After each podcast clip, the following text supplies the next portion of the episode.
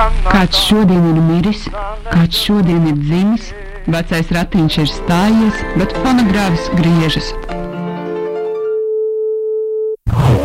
Jūsu mājās katru otro piekdienu, 19.00 Radio Nabērā.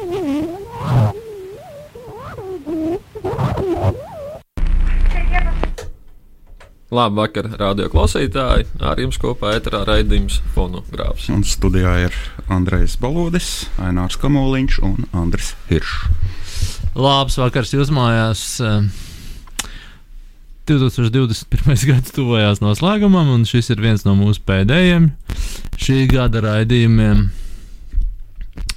Un ā, šodien mums ir ā, daudzveidīgs tēmu klāsts. Nē, nu, drīzāk dinamisks raidījums, es pieļauju, jo mums ir paredzēts arī pieslēgties uh, kādam viesim. Jā.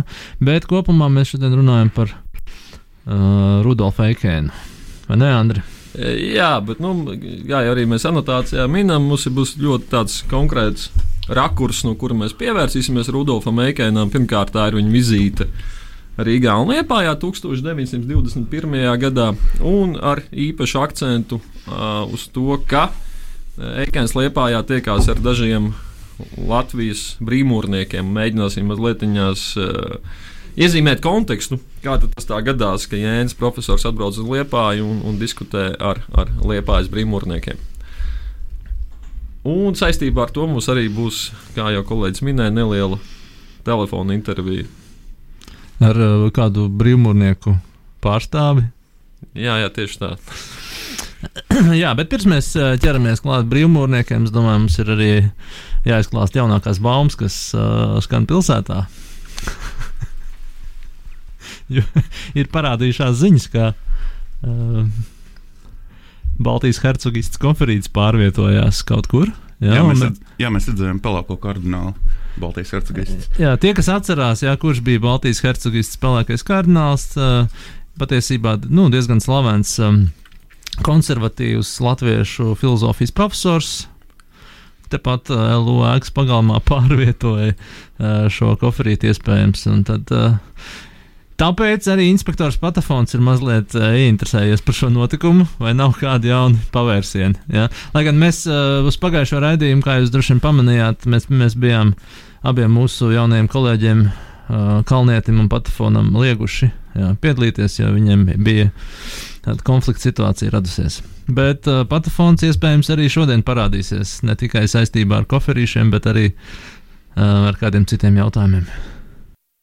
Radio monodoloģija 65. paragrāfs.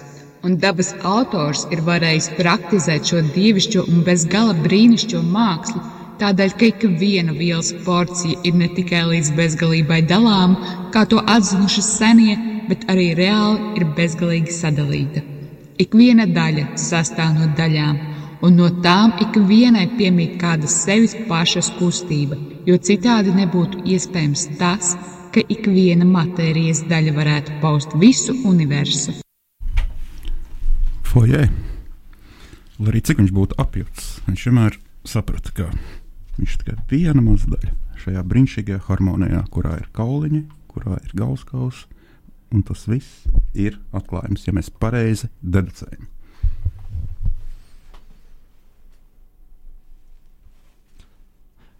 Raidījums fonogrāfs atgriežas atpakaļ um, ēterā. Un uh, mēs varētu droši vien šobrīd pieķerties Rudolfam Eikēnam. Andrēs, saprotu, es pētīju šo tēmu padziļināti. Cik es saprotu, sēdi arhīvos šobrīd, un tā ir tava galvenā nodarbošanās. Sēdēt arhīvos.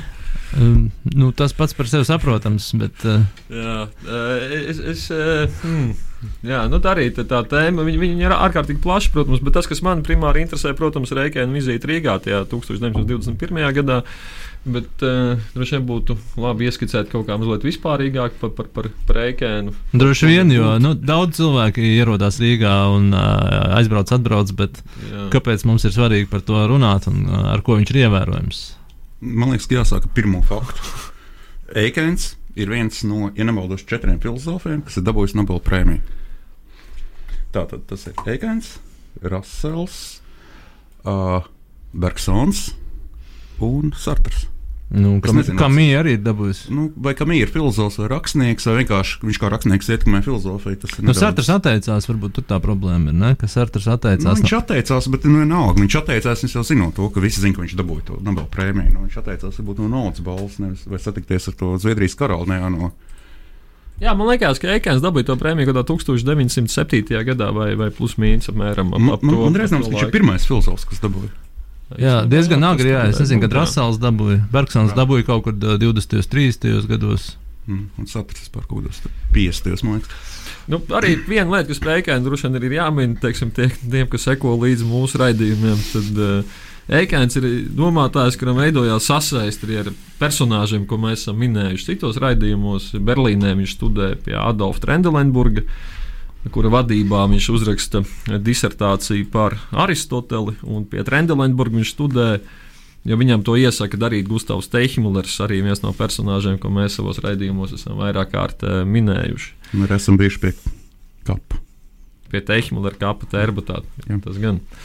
Uh, vēl, bet uh, tur arī tur tādās detaļās, tagad es varbūt neiešu, bet uh, Eikens ne, nu, īsumā tiešā veidā ietekmē arī, arī pirmā latviešu akadēmiski izglī, izglītotā filozofija Eka Boša karjeru. Un, starp citu, ietekmē arī Vincenta Lutas, Lutaslavska karjeru, bet savukārt par Lutaslavsku mums būs saruna citā raidījumā, Mm. tad es arī mazliet vairāk varbūt ieskicēšu to uh, momentu. Bet es domāju, tādiem uh, filozofijas faniem var, uh, man liekas, pateikt vēl vienu faktu no viņa biogrāfijas. Protams, viņš strādā Bāzeles Universitātē kopā ar Friedrichu Nīču.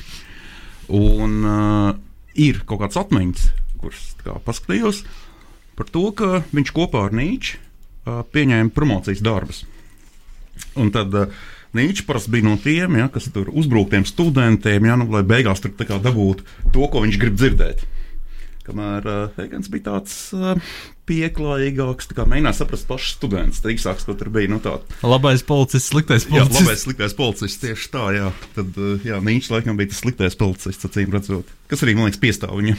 Es esmu arī ā, studentu atmiņās lasījis, ka Ekans ir bijis tāds ļoti labsirdīgs un labdabīgs Nu, jā, pasniedzējs. bet tagad, kad mēs taisām savu promocijas darbu, jā, tad tas sēž pretī Nīča un Eikens. Jā, tā divi. Es nezinu. Es padotos. Tāpēc citu Bāzelē vai ne, viņš jau sāka pasniegt tieši pēc tam, kad Gustavs Tehimlers pārvācās pasniegt uz Tērbatu.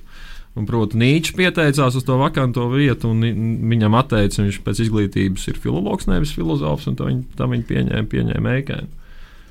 Uh, bet, uh, nu, ja mēs mēģinātu, varbūt mazliet ieskicēt to, to filozofiju, jeb šīs filozofiskās eikēna atziņas, uh, jāsaka, tas ir, tas ir mazliet komplicēti.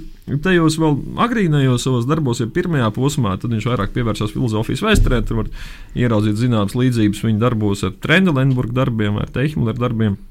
Bet jau tajā, nu, ar ko viņš kļūst populārs un ar ko viņš arī dabūja to Nobela prēmiju, tur jau ir vairāk tas, ko nu, vā- vācieši sauc par to mm, Lebens filozofiju, nu, tāda dzīves filozofija. Bet specifiskā izpratnē jau Nezinu, paskaidro. Nē, nu, paga- nu, dzīves filozofija. Nu, tā nozīmē, ka varbūt tā kā vitālisms vai arī kā filozofija par dzīvi. Filozofija par dzīvi drīzāk ekran. Nu, viņiem ir tas termins vāciešiem, jā, Lebens, un tas- filozofija. uh, īstenībā cieši savijās tieši ar ēkēnu. Viņam pat liekas, varbūt lielā mērā ir nostiprinājies kaut kāda dēļ, dēļ, dēļ ēkēna. Un uh, līdz ar to tādas, nu, izteikti sistemātisks domātājs viņš nekādā gadījumā nav. Viņš drīzāk ir apzināti nesistemātisks domātājs. Un pa lielām jau tās atziņas, uh, no vienas puses liekas jau nekas tāds. Uh, ārkārtīgi ordināls. Tajās atziņās varbūt arī nav. Tas vairāk ir sava laikmeta apraksts, stāsts par to nu, garīgo krīzi, kas ir iestājusies dēļ materiālismu, tāpēc, ka uh, reliģija ir aizgājusi perifērijā, un, un viņam, viņa darbos var ie- ieraudzīt gan masu kultūras kritiku, gan kapitālismu kritiku. Viņš ir viens no tiem, kas meklē to jauno garīgumu. Ja? Jā, tā varētu teikt, jā, tā, tā saucamo jaunu ideālismu. Un, bet eh, vienlaicīgi mēs mēģinām, kaut kā ļoti strikti iezīmēt, kas tad ir tas eh, jauns ideālisms, kaut kādas nu, tādas ordinālas atziņas, tas ir diezgan komplicēti. Principā tās ir kristīgās vērtības, viņš ir diezgan konservatīvs. Tas ir, tas ir Luters. Eikēnam ļoti patīk Mārtiņš Luters kā domātājs. Viņš saka, ka tas ir tāds nu, vācu ideālismu iemiesojums Eikēnas skatījumā. Tas ir akcents uz to, ka katra personība ir unikāla un ordināla, un tas ir akcents uz kaut kādu garīgo kopību. Jā, Tad izsākot pēc vācu ideālismu sabrukuma, atnāk Eikens, lai atjaunotu šo ideālisma garu. ideālismu gāru. Jā, Jā, jā viņš arī nu, nav vienīgais. Ne? To arī mēģina darīt savulaik, vai ne? Viņa, viņa pasniedzējs Trendelenburgs to mēģina darīt. Viņa, viņa draugs eh, Teihmillers. kuram pa godu mēs taisījām burgeru. Jā.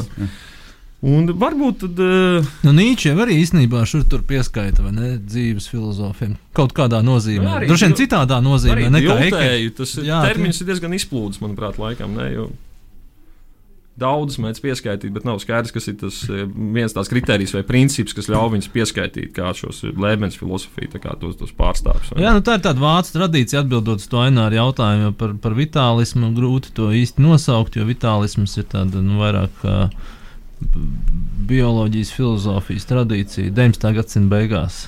Man liekas, ka mūsdienās droši vien Vilhelms Šmits ne, tā kā būtu pieskaitāms, ka nu, pie, pie šīs tradīcijas turpināt Tā dzīves to dzīves mākslas filozofiju. filozofija. Nu, es vienmēr esmu domājis, dzīves ka- māksla, tomēr, ne? Nu, bet nošķirt dzīves filozofiju no, no, no, no dzīves mākslas filozofijas. Grūti pateikt. Nu, tie, kas lasa Latvijas grāmatu, droši vien šo terminu ir saskārušies, bet uh, man šķiet, ka to pārsvarā tiešām attiecina uz, uz to vācu tradīciju. Ja mēs mēģinām viņu tā kā iziet, protams, Šmits arī ir vācu tradīcija, Vilhelms, bet uh, ja mēģina tur pieskaitīt vēl kādu, Bet arī nu, bet Lēmens kungs tev arī diezgan vācijas padarīšana, tur, vai ne? Tas, ka tur ir Schopenhauers un, un tā, vai ne? Kas droši vien pieskaitītos pie dzīves mākslas. Nu, tas jāprasa mūsu vietējiem dzīves māksliniekiem. vai ne? Bet ir arī nu, frančiem, ir Pierre Sado un vēl tur citi, kas nodarbojās arī ar, ar dzīves mākslu. Bet mēs šodien vairāk par dzīves filozofiju. Um, Uh, jā, es droši vien redzēju, nu, es mēģināju ļoti vispārīgi tad, ieskicēt. Un, uh, Un tad 1921. gadā, proti, Latvija uh, ir pavisam nesen iegūsta savu, savu neatkarību. Eikēns ir viens no, kā jau tika minēts, daudz jau tie lielie domātāji, filozofi Latvijā ierodās. Mēs arī par to savos raidījumos esam stāstījuši. vai ne? parasti Rīgā, Heidegers, Špeglers. tomēr. Un, um, Bet viens no tādiem pirmajiem, tātad, kas ierodās, vai ne, ir, ir Rudolfs, Rudolfs Eikens. Arī nu, tie ierašanās apstākļi vai tie motīvi, viņi ir dažādi. Un Eikenam ir ļoti daudz šīs saiknes ar, ar, ar Latvijas intelektuālo telpu. Uh, bet, uh, ja mēs skatāmies uh, vēstulēs, korespondencē, tad neapšaubāmi arī ir zināms tāds uh, stimuls no tā laika vācu ierēdniecības, ārlietu ministrijas, kad Eikēnam vajadzēja doties uz Latviju. Ja viņš ir iegūst Nobela prēmiju, viņš ļoti daudz ceļo apkārt pa pasauli. Viņš ir nu, kā viens no ierēģiem, kur uzvārds tagad uzreiz neatcerēšos, raksta Eikēnam, kurš ir tāds vācu ideālu nesējs, un tas radītu ļoti spēcīgu propagandisko ietekmi, ja viņš ierastos Baltijas valstīs, kas ir nesen atguvuši neatkarību un atrodas nu, tādā tiecībā, at, atrodas tiecībā uz rietumiem, bet uh, vācu kultūra politikai vajag vai ne konkurēt gan ar frančiem, gan ar angļiem, un tāpēc ir svarīgi, lai vācieši nostiprinātu savu ietekmi šajā Krievijai teritorijā. nevajag, ja? Uh, nu, tajā laikā, ap Pēters Zālīte, viens no latviešu filozofiem, arī raksta Eikēnam, ka uh, šobrīd latvieši tajā laikā kā novēršās vai mēģina tikt vaļā no Krievijas ietekmes un vairāk tiecās uz rietumiem. Tāpēc Eikēns tad ierodās kā reprezentēt vai, ne, vai propagandēt šo vācu garu. Vismaz tas ir tas, kā tas uh, izskatās no ierēdniecības, ierēdniecības viedokļa. Un viņi arī neapšaubām, no arī tā vācu ierēdniecība mēģina risināt visādus formālos apst apstākļus, kas ir saistīti, saistīti ar, ar, ar uh, Eikēna, Eikēna vizīti. Uh, nu, un jā, un tā tad viņš ierodās 21. gadā. Viņš uh, nolasa lekcijas, protams, Rīgas Herdera institūtā. Viņš uh, viesojās vairākās Rīgas uh, gimnājās, Lutera gimnājā, kas tajā laikā arī šeit eksistē. Tur viņš uzstājās ar, ar lekcijām, tam viņš liepājā. Kādām tēmām? Uh, Precīzi tagad tur arī nosaukumi ir minēti, protams, periodikā, bet uh, tas pamatvēstījums ir tāds vēršanās pret komunismu. Uh, akcents uz, uh, piemēram, Lutera skolā, kad viņš runā, tad viņš lekciju nolasa par Lutheru. Mārtiņš Luters ir uzdevis vāciešu tautai būtisku misiju, kas tagad vāciešiem ir jāturpina. Ļoti izteikti arī visu laiku tāds nacionālā retorika, kas tajā laikā ir raksturīga Eikēna filozofiskajām pārdomām. Uh, Stāsts nu, arī, protams, laikmeta kritika. Lielā mērā tas viss, ko jau mēs minējām, kad mēs lielā mērā nu, mēģinājām vispārīgi ieskicēt uh, Eikēna tā saucamo dzīves filozofiju. Jā, bet kā es saprotu, tas vēstījums ir nedaudz problemātisks, ā, jo anotācijā tika pieminēts, ka viņš arī ietekmē dažādu veidu Jā, nacionālu jā bet līdz tam, līdz tam, līdz tam, līdz tam Jā. es uh, mēģināšu, mēģināšu, mēģināšu ties nonākt. Uh, uh, Viens fakts, kas uh, Latvijas intelektuālās vēstures pētniecībā man šķiet nekur nav minēts, ir tas, ka pēc Eikēna vizītes neilgi pēc 1923. gadā Rīgā nodibina Eikēna uh, Savienības nodaļu. Uh, un, uh, Lielā mērā informācija par šo nodeļu, par viņas dibināšanu un darbību mēs varam kaut ko par to uzzināt Jēnas Universitātes bibliotekas arhīvā, kur ir saglabājušās dažādas vēstules, kas ar to ir saistītas. Uh, piemēram, mēs varam uzzināt, ka šo Eikēna Savienības nodaļu savulaik jau Rīgā gribēja izveidot 1919. Jau gadā mācītājs Kiršfelds, bet kara apstākļu dēļ viņš, viņš atturās. Atcerās to darīt. Un tajā 23. gadā, kad viņi Rīgā tika nodibināti, protams, aktīvi iesaistās vairāk vācu baltieši. Liela daļa no viņiem ir saistīta Rīgas Herdera institūtu. Uh, tas ir periods, kad tās Eikēna Savienības nodaļas ir nodibinātas vairākās Eiropas valstīs. Viņi mēģina arī Amerikā nodibināt vienu nodaļu. Uh, un principā tie ir tādi nu, kā intelektuālie klubi, varētu teikt, kur cilvēki pulcējās un diskutē par Eikēna darbiem. Vācijā priekšplānā izvirzās nacionālā tēma šajos klubos, kas arī diezgan saprotami, jo, kā jūs minējāt, Eikēna filozofiskajās pārdomās, sākot jau Pirmā pasaules kara, mazliet pirms, arī viņa centrā ir nacionālā tēma. Viņš runā par vācu nacionālā gara īpašo misiju. Un tāpēc laikam jau nav arī nekāds pārsteigums, ka daži no Eikēna Savienības nodaļas biedriem tiešām ir saistīti ar Pēc tam vēlāk ir saistīta ar nacionālo sociālismu, uh, nacionālo sociālismu kustību un arī daži Eikēna paziņas no Rīgas. Piemēram, Rīgas Herdera institūta viens no dibinātājiem, Klumbergs. 41. gadā iestājās nacistu uh, partijā. Un es domāju, daļai varbūt tā ir arī tāda retrospektīvā skatoties, tāda nu, aizdoma ēna, ir viens no iemesliem, kāpēc par Eikēnu pēc tam un Eikēnu filozofiju īpaši daudz raksta un interesējās. Un, burtiski pēdējos desmit gados Vācijā ir manām zināma kaut tāda interese, ir vairāk raksti un arī pat divas monogrāfijas saistībā ar Eikēnu ir sarakstīts. Bet šodienas raidījuma ietvaros mēs vairāk pievēršamies, kā jau minēju, mazliet citam rakursam, proti, liepājā. Liepājā tad uh, Eikens tiekās ar uh, Vācijas konsulāta vadītāju Liepājā Litenu, uh, filozofijas doktoru Alfrēdu Zēbergu un mācītāju Vilhelmu Grasu. Un visi šie trīs domātāji ir saistīti ar brīvmūrniecību, kā gadījies, kā ne. Ar brīvmūrniecības ložēnkurs. Un, ja mēs skatāmies, cik tiešām Meikēnam ir saistība ar brīvmūrniecību, protams, arī pirms viņš ierodās Latvijā, Vācijā tas ir, šeit arī stāv uz studijā uz galda grāmatiņa, tas ir Vācu brīvmūrniecības savienības vadītājs Dīdriks Bišovs, kurš tiekās Reikēnā pirms pirms Pirmā pasaules kara. Un Bišovs mēģina apvienot brīvmūrniecības ideālus ar Eikēna filozofiju. Un tā grāmata, kas mums šeit stāv, jauna ideālisms un brīvmūrniecība, ir tieši tas darbs, kurā viņš aicina uh, savus brāļus, brīvmūrniekus, lasīt Eikēna darbus. Jo Eikēna darbos Viņa skatījumā mēs atrodam principā ideālus, kas absolūti saskan ar brīvmūrniecības izaicinājumiem. Kā tie būs, tos mēs noskaidrosim. Ja? Tos, mēs, tos mēs noskaidrosim.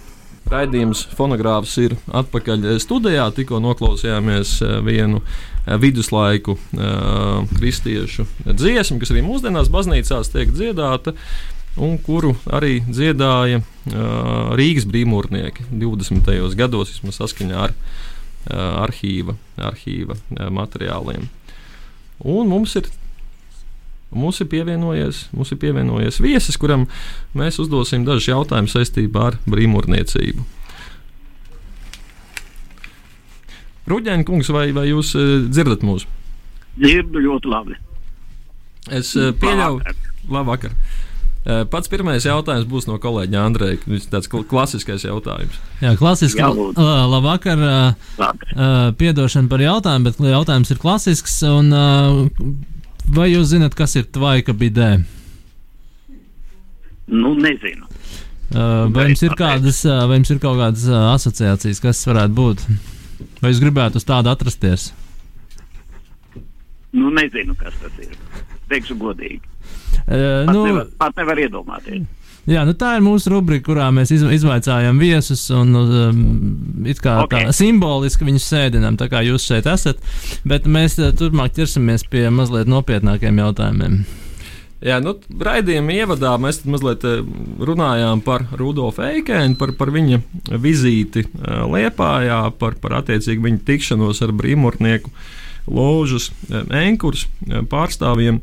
Varbūt tas pats pirmais jautājums.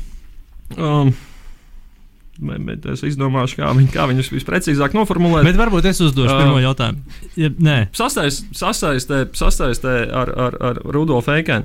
Uh, principā, nu, ja mēs skatāmies, tad uh, Eikēna atziņ, atziņās šajā akcentā uz personības unikālo vērtību, uz to, ka vajag saglabāt šo, šo garīgo kopību, uh, nekā tāda varbūt arī izteikti ordināli nav, varbūt ordināls veids, kādā veidā viņš, viņš to pasniedz.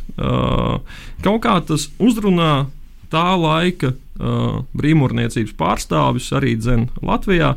Un, ja mēs teiksim, skatāmies šodienas kontekstā, vai, vai, vai šodien arī ir kāds filozofs vai nezinu, filozofiskais virziens, kas ir īpaši interesē vai kas ir iecienīts brīvmūrnieku, brīvmūrnieku aprindās.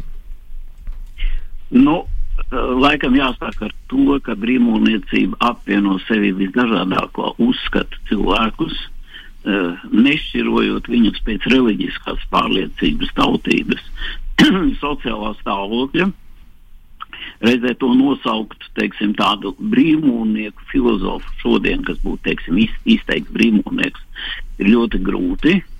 Tā iemesla dēļ, ka mums ir nu, cilvēki ar visdažādāko politisko piederību ar visdažādāko savu skatu uz dzīvi, bet ir tas kopējais, kas viņus apvieno, un tas ir tieši tas, ko arī Eikins piemin. Tas ir tas jēdziens brīvs vīrs ar labu slavu. Tas ir centi, cenšanās pēc cilvēka individualitātes, pēc viņa personības pilnveidošanas un tādā veidā caur sevi ietekmēt sabiedrību. Un tas ir tas, kas apvieno faktiski visus esošos brīvmūrniekus. Un Eikena filozofija, laikam, tas ir viens no aspektiem, kāpēc viņa bija tik tuva brīvmūrniekiem, un viņš acīm redzot arī jūta to. Un tas būtu viens no iemesliem, kāpēc viņš tikās ar ložas enkurs pārstāvjiem. Jo loža enkurs jau faktiski ir vācu loža. Viņi jau dibināja 1915. gadā Liepājā Vācu armija, bija tā saucamās Feldložana, tas ir lauku, kara lauku ložas. Nevajag jaukt ar Feldkurāta kaca kara lauka to viņa dievkalpojumiem, jā, no sveika. Bet uh, bija, uh, pat cik armijā bija ļoti daudz virsnieku starpā izplatīti, nu, brīvmūrnieki kā tādi. Un dabīgi viņi nevarēja piedalīties ložu darbos savā dzimtenē, jo viņi bija kara apstākļos, tad tika dibināts šīs kara lauka ložas. Latvijā tāds bija vairāks Vācu armijā. Uh, Un viena no tām bija eh, Liepājā, kas saucās Cumankeru un Šverti. Un no viņas jau pēc tam, kad izveidojās Latvijas brīvvalsts, nu, viņa pārvērtās par civilo ložu ankurs. Un viņai bija ļoti spēcīga, bez šaubām, vācu ietekme. Tas pats uh, mācītājs Grāss, piemēram, ne, un, un, un piedalījās ļoti daudz no vācu, vācu diplomātiem, no vācu konsulātu, un ne tikai no vācu konsulātu, no ārzem, ārzem diplomātiem, tirgotāji, kapteiņi. Nu, tā veida laika inteliģenti. Nu, tas bija tas viens no momentiem, acīm redzot, kāpēc arī Eikens runāja ar viņiem. Nu jā, vai ne? Un kā ir zināms, tajā 1925. ja es pareizi atceros, uz, uz kādu laiku tā loža tiek aizslēgta, vai ne? Jo ir aizdoms par pretvalstisku darbību, droši vien aizdoms par šo vāciešu pārāk lielo ietekmi. Kaut kādiem varbūt slepeniem plāniem mēģināt atjaunot Vācijas impēriju, tad tās baumas laikam tajā laikā ir ļoti daudz un dažādas.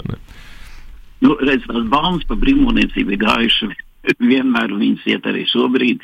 Un, lai saprastu īsti, kas tad ir brīvmūniecība, viņas struktūra, tad būtu jārunā bez šaubām ļoti daudz un ļoti sīki. Un tā, te jums būs jātaisa pilnīgi atsevišķs raidījums, kurā varētu izrunāt gan to brīvmūniecības ārējo struktūru, gan iekšējo struktūru, vispārējo, lai saprastu, kā, kas viņi īsti ir un kur ir tās problēmas. Bet, bet, bet jūs, tas, jā tas uh, uzbrauciens viņiem 25. gadā jau bija saistīts ar to.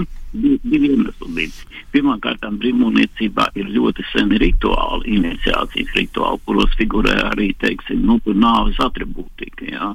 Nu, teiksim tā, vidusmēra cilvēkam, kuram bija varbūt dažu klāšu izglītība, vai ne, tas likās kaut kas briesmīgs, ka viņš kaut ko dzirdēja vai redzēja, tur kaut kādu miroņu galvu vai nedodies uh, zārku vai kaut ko tam līdzīgu. Un tad viņam likās, ka tur notiek kaut kāds vēlmu kults vai kaut kas tāds, lai gan ar citu ložu ēnu, kur strādāja Prūsijas lieložas rituālam. Kurš, kuru dibināja mācītājs Festlers, un viņš skaitās viena no tādām nu, kristiānisma paraugu, paraugu sistēmām, jā, brīvmūniecībā. Tas ir viens. Otram kārtām tas pats grāmatas, viņš jau ir mācītājs. Un, starp citu, pie brīvmonēcības piederēja ļoti daudz mācītāju, ne tikai luterāņu mācītāju. Uh, nu, un tas bija viens iemesls, un otrs iemesls bez šaubām bija tas, ka viņa bija jāzina brīvmonēcības uzbūve. Uh, Jāņa loža, kas veido brīvmonēcības pamatus, tas ir kaut kāda virkne Jāņa loža, bet ne mazāk kā trīs. Jā. Viņas izveido uh, lielložu. Un šī, gadījumā liela kura ir tā, kura ir tiesīga piešķirt jaunai ložai, kas dibinās savu rituālu. Un šī lielloža atradās Prūsijā, Berlīnē. Un dabīgi tas uzreiz izraisīja tādas aizdomas, kas vēlāk arī, starp citu, bija uh, par iemeslu, vienu no galvenajiem iemesliem, kāpēc brīvmūniecība Latvijā tika nu, dots mājiens no kāda ūmeņa, lai viņu pašlikvidējas. Viņa netika aizliegta tādā veidā, kā to parasti uh, saka. Jā. Uh, bija tas, ka viņas centri atrodas ārpus Latvijas. Tātad viņa ir kaut kādas valsts pakļautībā, it kā vai ne, un reizē to, to varētu definēt, tā kā šodien Krievijā definē, teiksim, tur ārzemju aģentu. Tur, jā, tur, jā, jā, viņas vai ne? Es pēc atceros, pašlikvidējās 37. gadā, un, un jā. viņas paši min kaut kādus iemeslus. Bet, uh, bet viņa iemesls bija tieši šis, te, ka uh, Latvijā nebija, uh, Latvijā toreiz nebija savas lieložas, kas varētu, teiksim, nacionālās lieložas, ja, kas varētu nest atbildību par to. Šobrīd tāda ir, bet toreiz tāda nebija. Vai jūs varētu jā, dažos vārdos arī izstāstīt par to atjaunošanas darbu, ne? Jo rekā, nu, tā loža Enkurstē 37. gadā pašlikvidējās, bet mūsdienās atkal viņa eksistē. Jūs varat nedaudz to ieskicēt, un kāda varbūt ir šodienas situācija attiecībā uz ložu Enkursu? Šodien mums Latvijā ir, pirmkārt, mums ir vairāki no regu, regulā, gan regulārās, gan neregulārās brīvmūniecības tādi no, virzieni. Latvijā eksistē regulārā brīvmūniecība, tas tā kā mēs viņu saucam. Ja? Tā ir tā, kura pielieto Andersena konstitūciju un saņem savu atzīšanu no Anglijas lielložas. Un šī Latvijas lielloža ir viņa apvienots 11 Jāņu ložas, 12. pētniecības loža, un uh, tas ir pamatložas, Jāņu ložas. Ja? Un ir divi pilnīgi neatkarīgi patstāvīgi rituāli Latvijā, kas ir savā starpā vienojušies, ne, un, un šī te lieložā darbojās. Tas ir Vācijas ordeņa rituāls un tā saucamais skotu rituāls. Nu, lūk, bet ēnkurs uh, atjaunojās tā iemesla dēļ, kad uh, es savā laikā, kad iestājos brīvmūniecībā, tas bija Vācijā 90. gados, Lībekā, uh, tajā Lībekas ložas mājā, tur darbojas daudz ložas, un vienā no viņiem darbojas arī liepainieks, Sigurds Kuļkovskis. Viņa, viņa ģimene izbrauca uz Vāciju 39. gadā no Liepājas. Viņš bija liels Liepājas patriots. Vācu puisis, karojas un pēc tam aizbēdzis no Krievu gūst pie amerikāņiem. Amerikā iestājās brīvmūniekos, atgriezies atpakaļ Vācijā. Stipri vecāks gados vīrs. Un viņš briesmīgi par šo liepāju, kā saka, fanoja. Viņa lūgums bija, viņš griezās pie manis, es tobrīd biju tas saucamais klātieņam, tad uh, lielmeistars Latvijas lieložam, ja tā mēs saucam lielmeistaru vietnieks. Viņš griezās pie manis lūgumu, ka varētu šo liepājas ložu ēnkurs atjaunot. Nu, tad mēs tā visi vienojamies savā starpā šeit, ka kāpēc gan ne. Nu, un tad, tad no nāca tas atjaunošanas brīdis, vai ne? Mēs atjaunojam ankuru, un tagad ankurs jau pats par sevi ir tāda normāla, spēcīga Jāņa loža, no kuras atdalījās nost vēl divas ložas. Rīdzinieki no sākuma ankurā bija ļoti daudz rīdzinieku. Tā kā faktiski ankurs jau atkal ir kļuvis par mācības ložu divām Rīgas ložām. Mazai pasaulē un pie trim Latvijas zvaigznēm. Man ir vēl viens jautājums, ko man arī jautāja cits cilvēks. Ja es domāju, cik tad skaitliski apmēram daudz ir tie cilvēki. Jo mums tās ložas, vai ne, Latvijā šobrīd ir, tieši, ir vairākas, vai ne? Es, jūs droši vien precīzi varat nosaukt, cik. Un, un cik tad kopā ir tie Latvijas iedzīvotāji, kas šobrīd ir iesaistīti brīvmūrniecībā, vai arī tas Tas es neteikšu, ka, da, es minēt, neteikšu, vai... ka daudz. Es neteikšu, ka daudz. Pirmkārt, loža parasti, nu, kā likums, ir no 30 līdz 40 cilvēkiem.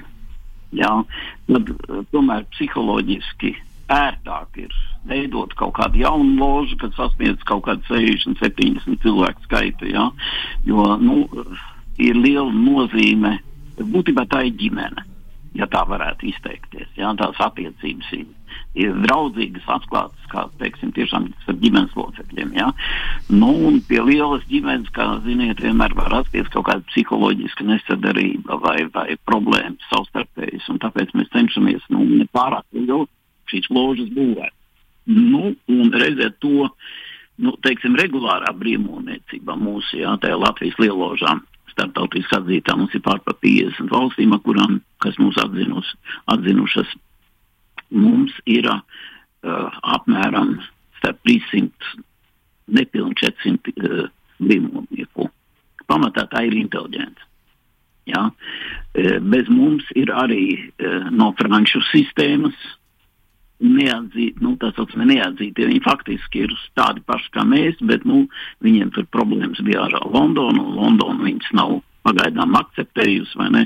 Viņiem ir kādas trīs ložas, jā, tad, tad tur varētu būt kursumā pie kādiem simt cilvēkiem. Nu, nu, un tad ir dažādas tādas maz zināmas, kā saka, ložas, kuras ir dalījušās no cilvēkiem, tur varbūt nav psiholoģiski uh, bijis ērti un kuri veidojuši savas, savas ložas, meklējuši atbalstu kaut kur ārzemēs. Nu, tur arī varētu būt kaut kādi, nu, varbūt cilvēki 40. Nu, tad kopumā varētu rēķināt kaut kur uz 500 reāli. Tas nav daudz, Igaunijai daudz vairāk.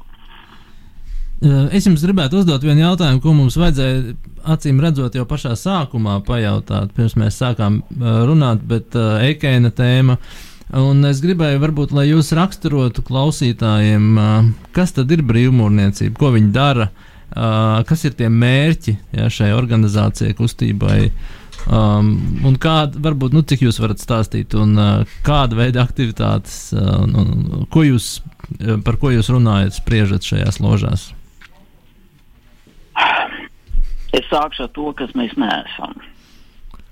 Eh, aiz mums pirmām kārtām nav vispasaules kaut kāda brīvmūniecības centra vadības, kas mūs uh, kontrolētu, vadītu vai kaut ko tam līdzīgu. Ja? Ir ļoti daudz vēsturiski, tā ir vēsturiska kustība, kur izveidojusies daudzu gadsimtu gaitā. Oficiālā brīvmūniecības skaitā pār pa 300 gadu no 1717. gada, bet uh, pirmās ložas, pirmo ložu statūti ir no kaut kāda 15. Uh, gada simteņa. Vismaz, kas ir saglabājušies, bez viņiem arī tādi, kas mēs zinām, ka ir bijuši senāk, bet nav saglabājušies šie statūti. Ja? Izveidojusies viņi ir no uh, tā saucamajiem klejojošiem mūrniekiem uh, Eiropas kontinentā, kas cēla uh, baznīcas, pilis, nu, teiksim, to pašu Reimsas katedrāli, tur Milānas katedrāli, Ķelmas katedrāli, Svēto Stefanu eh, Vīnē, jā, kur vajadzēja inženierus, arhitektus, eh, meistarus, kas eh, nosaka akustiku, jā. Cilvēkiem bija jābūt ne tikai šim tehniskai izglītībai, viņiem bija jābūt arī, nu, zināmai teoloģiskai izglītībai, lai saprastu, kur ir mācītāja kancela, kur ir koris, vai ne, kā notiek liturģija un vispārējais, un tu jau nevarēji Toreiz jau nebija diploma, kad cilvēks varēja aiziet un piestāt, iestāties darbā un teikt, es esmu beidzis tādu un tādu augstskolu, redziet, man uh, diploms, kas apliecina, ka es tiešām to darbu spēju veikt. Un tad veidojās zināmas nu, paroles, leģendas, uzņemšanas tradīcijas, lai pārliecinātos, ka tas cilvēks, kas ir, pieņemsim, aizbēdzis nu, kaut kādu iemeslu dēļ, viņi vajājas katoļu baznīcas, teiksim, toreiz, vai ne, kā brīvdomātāji, vai kaut kas tam līdzīgi. Viņš no Francijas aizbēdz, teiksim, uz Vā Angliju vai uz Vāciju, vai ne, viņš saka, es māku to darbu darīt, Un tad viņam prasa, nu, pierādi, kas tu esi. Jā, un tad viņam bija jāzina šīs leģendas, paroles un tā tālāk. Tad reizē to šajās te lejojošo mūnieku ģildē, un Anglijā viņi sauc par smalko meistaru ģildi. Jā, ne, viņš bija smalko mūnieku ģildi. Viņi nebija sākumā brīvo mūnieku, viņi bija smalko mūnieku ģildi. Tas ir tēlnieki, kas veidoja skulptūras, teiksim, tur muziķi, arhitekti un tā tālāk viņu dabīgi viņu vidū radās nu, cilvēki, kuri bija brīvdomātāji, disidenti mūsdienu uztverē, ne, kas nesasa līdz to informāciju, kuru oficiālā teiksim, vara un oficiālā ideoloģija bieži vien neatzina. Reizē to nu, radās tādi brīvdomāšanas perēkļi viduslaika Eiropā. Centrāla Eiropā tos ļoti daudz iznīcināja simt gadu karš un septiņu gadu karš. Un uh, Anglijā viņi tiešām pār, saglabājās. Tur sāka pamazām, ka beidzās pieprasījums pēc reālām nu, celtniecības darbiem. Tur arvien vairāk ieplūda virsniecība, garīdzniecība, aristokrātija, inteliģence. Nu, tā, tādā veidā izveidojas šīs ložas. Uh, un šodienas brīvmūniecība kā tāda. Ko mēs nedarām? Mēs tātad, pirmkārt, mums nestāv nekādi ilumināti vai reptiloīdi kā tu mēdz teikt, mēs ne, neupurējam ne cilvēkus, ne bērnus, ne sievietes. Nezinu, varbūt kādam tas teiks, viņš saka, diemžēl, bet nu, tā ir. Uh, ir, zinām, iniciācija rituāli, Tas ir, kad cilvēks zinām laiki nostrādājis ložā, tad viņš augstina uh, uz nākamo pakāpi, vai ne? Viņš iziet cauri zināmai iniciācijai. Tie rituāli ir ļoti seni. Viņus jūs varat atrast arī pat Lati, baltu tradīcijās, ģermāņu, slāvu tradīcijās. Tur nav nekā, kā saka, jauna. Tas ir, kad viens nu, jaunietis kļūst par pieaugušu vīrieti, tad viņš iziet cauri kaut kādiem pārbaudījumiem, lai tu redzētu, ka tu tiešām esi nu, cienīgs būt par pieaugušu cilvēku. Nu, Grieķiem bija tāds um, Dionīsa Zagreba rituāls, kad puisi aizved uz kapsētu, ielika kapā, vai ne, kad mēnesis spīd, aizgāja prom un paši dabīgi paslēpās, vai ne, un ja tu ne, nekliedzi, nebrēci no kapā ārā neskrēji, vai ne, prātā nesajūk, tad tevi no tā kapa izcēl no rīta ārā un teica, tu esi divreiz dzimis, tu tagad esi pārdzīvojis savu nāvi, mēs uz tevi varam paļauties. Tu neskaties pienaidnieku, neatdevis viņam pilsētas vārtā atslēgas. tu rūpēsies, teiksim, par saviem biedriem un tu saproti, saproti to, kad agri vai vēl tu tur nonāksi. Ja? Un tev ir kaut kāds priekšstats par dzīvību un, un par nāvi. Ja? Es atvainojos. Ruģēns kungs mums vienkārši ir jāuzliek muzikāla pauze, lai klausītu tādu lietu. Bet saprotu, Nē, bet uh, ir kāds jautājums? Man ir jautājums viens, jā, jo Eigens tomēr brauc uz Liepāju uh, 20. gados. Uh, Liepāja bija tomēr diezgan tāda kreisvieta. Tur bija kanta tulkotāja Rolo Brāls, diezgan kreis, tur bija kurcijas un tā tālāk. Es vienkārši domāju, kāda ir tā brīvmonieku attieksme tieši pret šiem kreisajiem sociālistiem tā tālāk. Es saprotu, ka Eikēnam bija ļoti negatīva. Nu, ja runā par attieksmi pret kreisajiem, tad brīvmūniecībā, nu, es saku vēlreiz, nedala ne labos, ne kreisos. Ja? Uh, nu, mēs zinām, ka teiksim, Vācijai otrā pasaules karā bija kreisais Gneizenā un uh, uh, Blīkers, un viņi bija brīvmūnieki, jā. tie senie prūši, tie prūši ģenerāļi no 1812. gada. Uh, nu, nedaudz brīvmūnieku labējos un kreisos dabīgi uh, ar komunistiem ir, mm, kā saka, tā saskaņa nav tā iemesla dēļ, ka viņi uzskata, ka viņi ir vienīgie pareizie. Lai gan Lunai Čārskis ir bijis brīvmūnieks, mēs zinām, uh, vesela rinda vācu ģenerāļu, kas ir apbalvoti ar augstākiem apbalvojumiem. Otrā pasaules kara laikā arī bijuši brīvmūnieki. Šī te, nu, uh, totalitārisms bez šaubām neatzīt brīvmūniecību. Jā, un tur bija vienmēr konflikts. Bet uh, pirmkārt, brīvmūniecība nav internacionāla. Tādā nozīmē, ka mēs nesludinām kosmopolitiskās idejas. Ja? Jebkurā tā saucamajā tāfelu ložā, kad ir viesi, kad saka, mēs saucamies kopā, pirmais tosts ir pa dzimteni.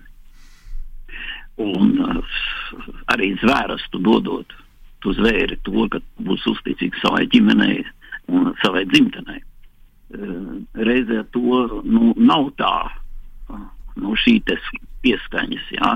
Bet uh, es nedomāju, ka, teiksim, Leņņņins ap citu arī it kā pēc tā vismaz beļģu brīvmūrnieku mums apgalvoja, ir savā, savā laikā sastāvējis brīvmūrnieku loža. Bet viņš no viņas aizgāja prom, jo viņš teica, ka tā ir tāda tukša plāpāšana.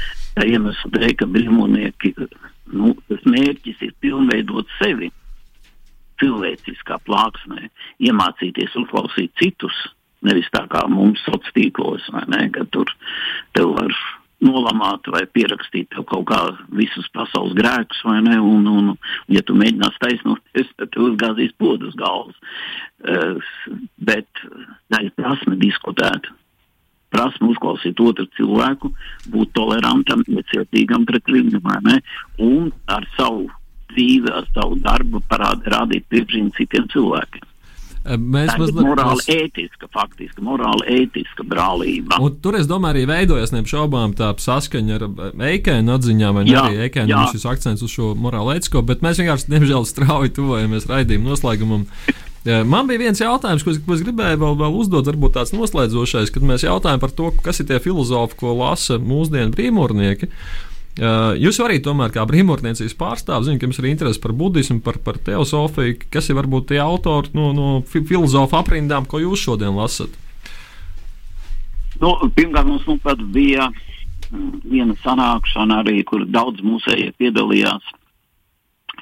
Uh, tas bija, tā nebija tieši mūsu sanākšana, tā bija viens biedrības sanākšana, bet ļoti daudz mūsēji bija, tas bija par Heideggeru filozofiju. Jā.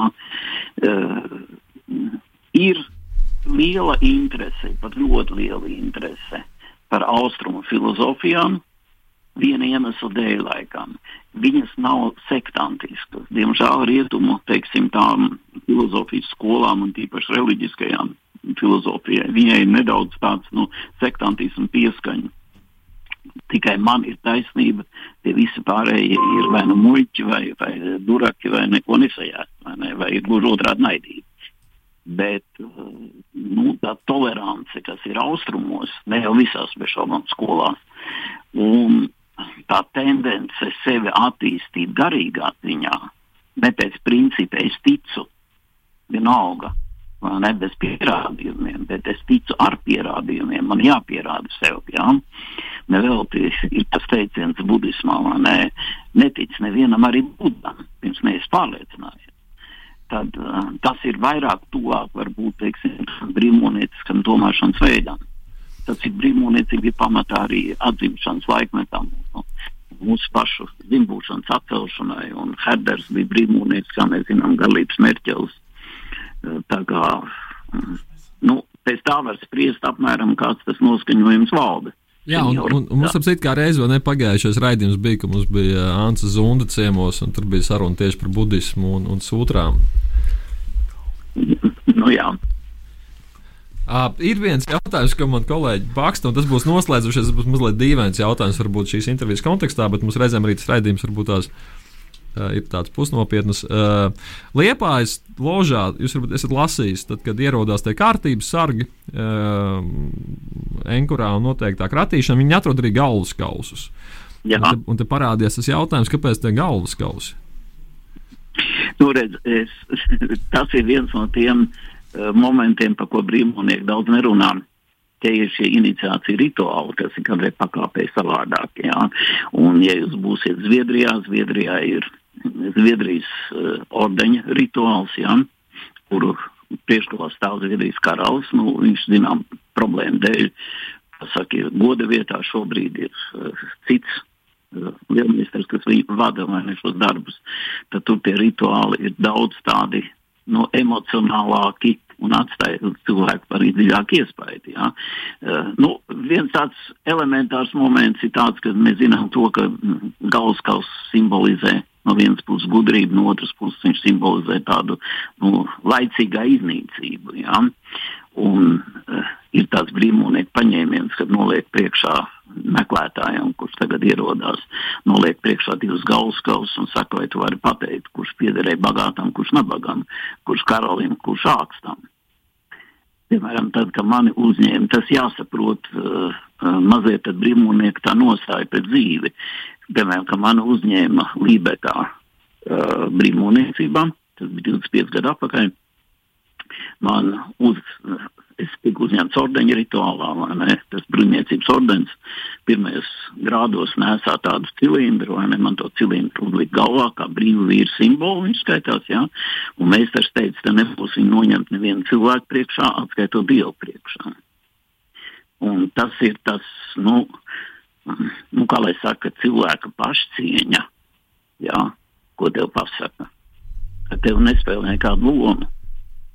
Es vienu no saviem dēliem, ka paaugstināju Berlīnē, mēs vienu karali, nu, valsts troņmantnieku nolikām pa sargu pie durvīm. Zobenu rokā, un es viņam prasīju, nu, kā tu jūties pie tām durvīm. Viņš smējās un teica, zini, paldies Dievam. Neviens man neteica jūsu augstību. Visi teica, brāli, sargs izpilda savu pienākumu. Tas ir tās, tās ir tās savstarpējās, savstarpējās cilvēku attiecības, kas veidojas brīvmūniecībā. To ir tā grūti izstāstīt no, momentā, vai ne? Tas jāizjūt. Un viņš iet uz emocijām. Un vien, viens no faktiem bez šaubām ir tas, ka nu, mēs varam runāt ļoti daudz ko, bet nu, mēs zinām to, ka vienā jaukā brīdī mēs tajā koka kastē būsim. Es, es domāju, paldies, Ruģai, kungs, mums jāras tiešām jāras beidzās laiks. Mēs droši vien Es pieļauju vēl kādreiz, jo tā saruna plaša un tie aspekti, par ko mēs varētu parunāt, protams, ļoti daudz un neizsmeļami. Bet mūsu laiks, diemžēl, raidījumā, raidījumā ir e, ierobežots. Uh, es saprotu, es jau tā jums daudz norunāju. Jā, bet, bet liels paldies, ļoti plaši un daudz un, un, un dažādi, dažādi informācija. Uh, mēs, mēs, nu, mēs no jums šobrīd uh, atvadāmies, acīm redzot, ja mums ir palikuši ļoti, ļoti pāris, pāris tikai minūtes, bet, uh, bet liels, liels paldies jums! Paldies, jā, par interesantu. Jums arī paldies. paldies visu, visu labu. Jā, visu labu. Visu labu. Viņš nemeklē deduktīvi un nemeklē induktīvi. To jums neatklās agronoms, tikai viņš, inspektors Patafons. Uh, labvakar, mēs esam atpakaļ. Uh, un šajā gadījumā tiešām uh, inspektors Patafons uh, uzdod dažus jautājumus saistībā ar šo eikēnu tikšanos uh, Liepājā, kurā bija daži galvaskausi. Jo, kā zināms, uh, laika gaitā ļoti daudz filozofu galvaskausu ir pazuduši. Kā zināms, Regus uh, galvaskauss tika iemests sēnā ar visu viņu vārdu. Dekarta galvaskauss ļoti ilgu laiku netika atrasts. Nemaz nerunājot par Imants Kanta galvaskausu. Man liekas, tad uh, Patvans vienkārši deducēja, ka iespējams šajos rituālos tika izmantot Kanta kauliņi, jo pirmkārt, spriedzpējas kritika izdot, tika izdot Liepājā. Otrakārt, Kanta tulkotājs Rolovs neskapēc devās uz Liepāju. Domā, ar versiju, viņš meklēja Kanta galvaskausu Liepājā. Nē, viņš taisīja rituāls ar Kanta galvaskausu. Okay. Iespējams, ka viņš tur nu, palīdzēja. Man liekas, arī jā, jāpiemina, arī, kad kā savulaik šie, šie brīvmūrnieki aizraujas ar Reikēnu filozofiju, tā iepriekš viņi aizraujas ar Kanta filozofiju. Brīvmūrniekiem nu, lielā cieņā bija Kanta morāls. Sākumiem, jā, jā. Jā, jā. Tieši tā. Sabrukums, kad ir uh, vācu filozofijas sabrukums, ideālismu sabrukums, tad šis galvaskauss liepājā ļaus Un galu galā arī jautājums, kāpēc Eikens ierodās Lietpā. Kā jau minēju, man nu, Haidegers vai kas viņam uz Lietpā nebrauc, ne? bet Eikens apciemo arī Lietpāju.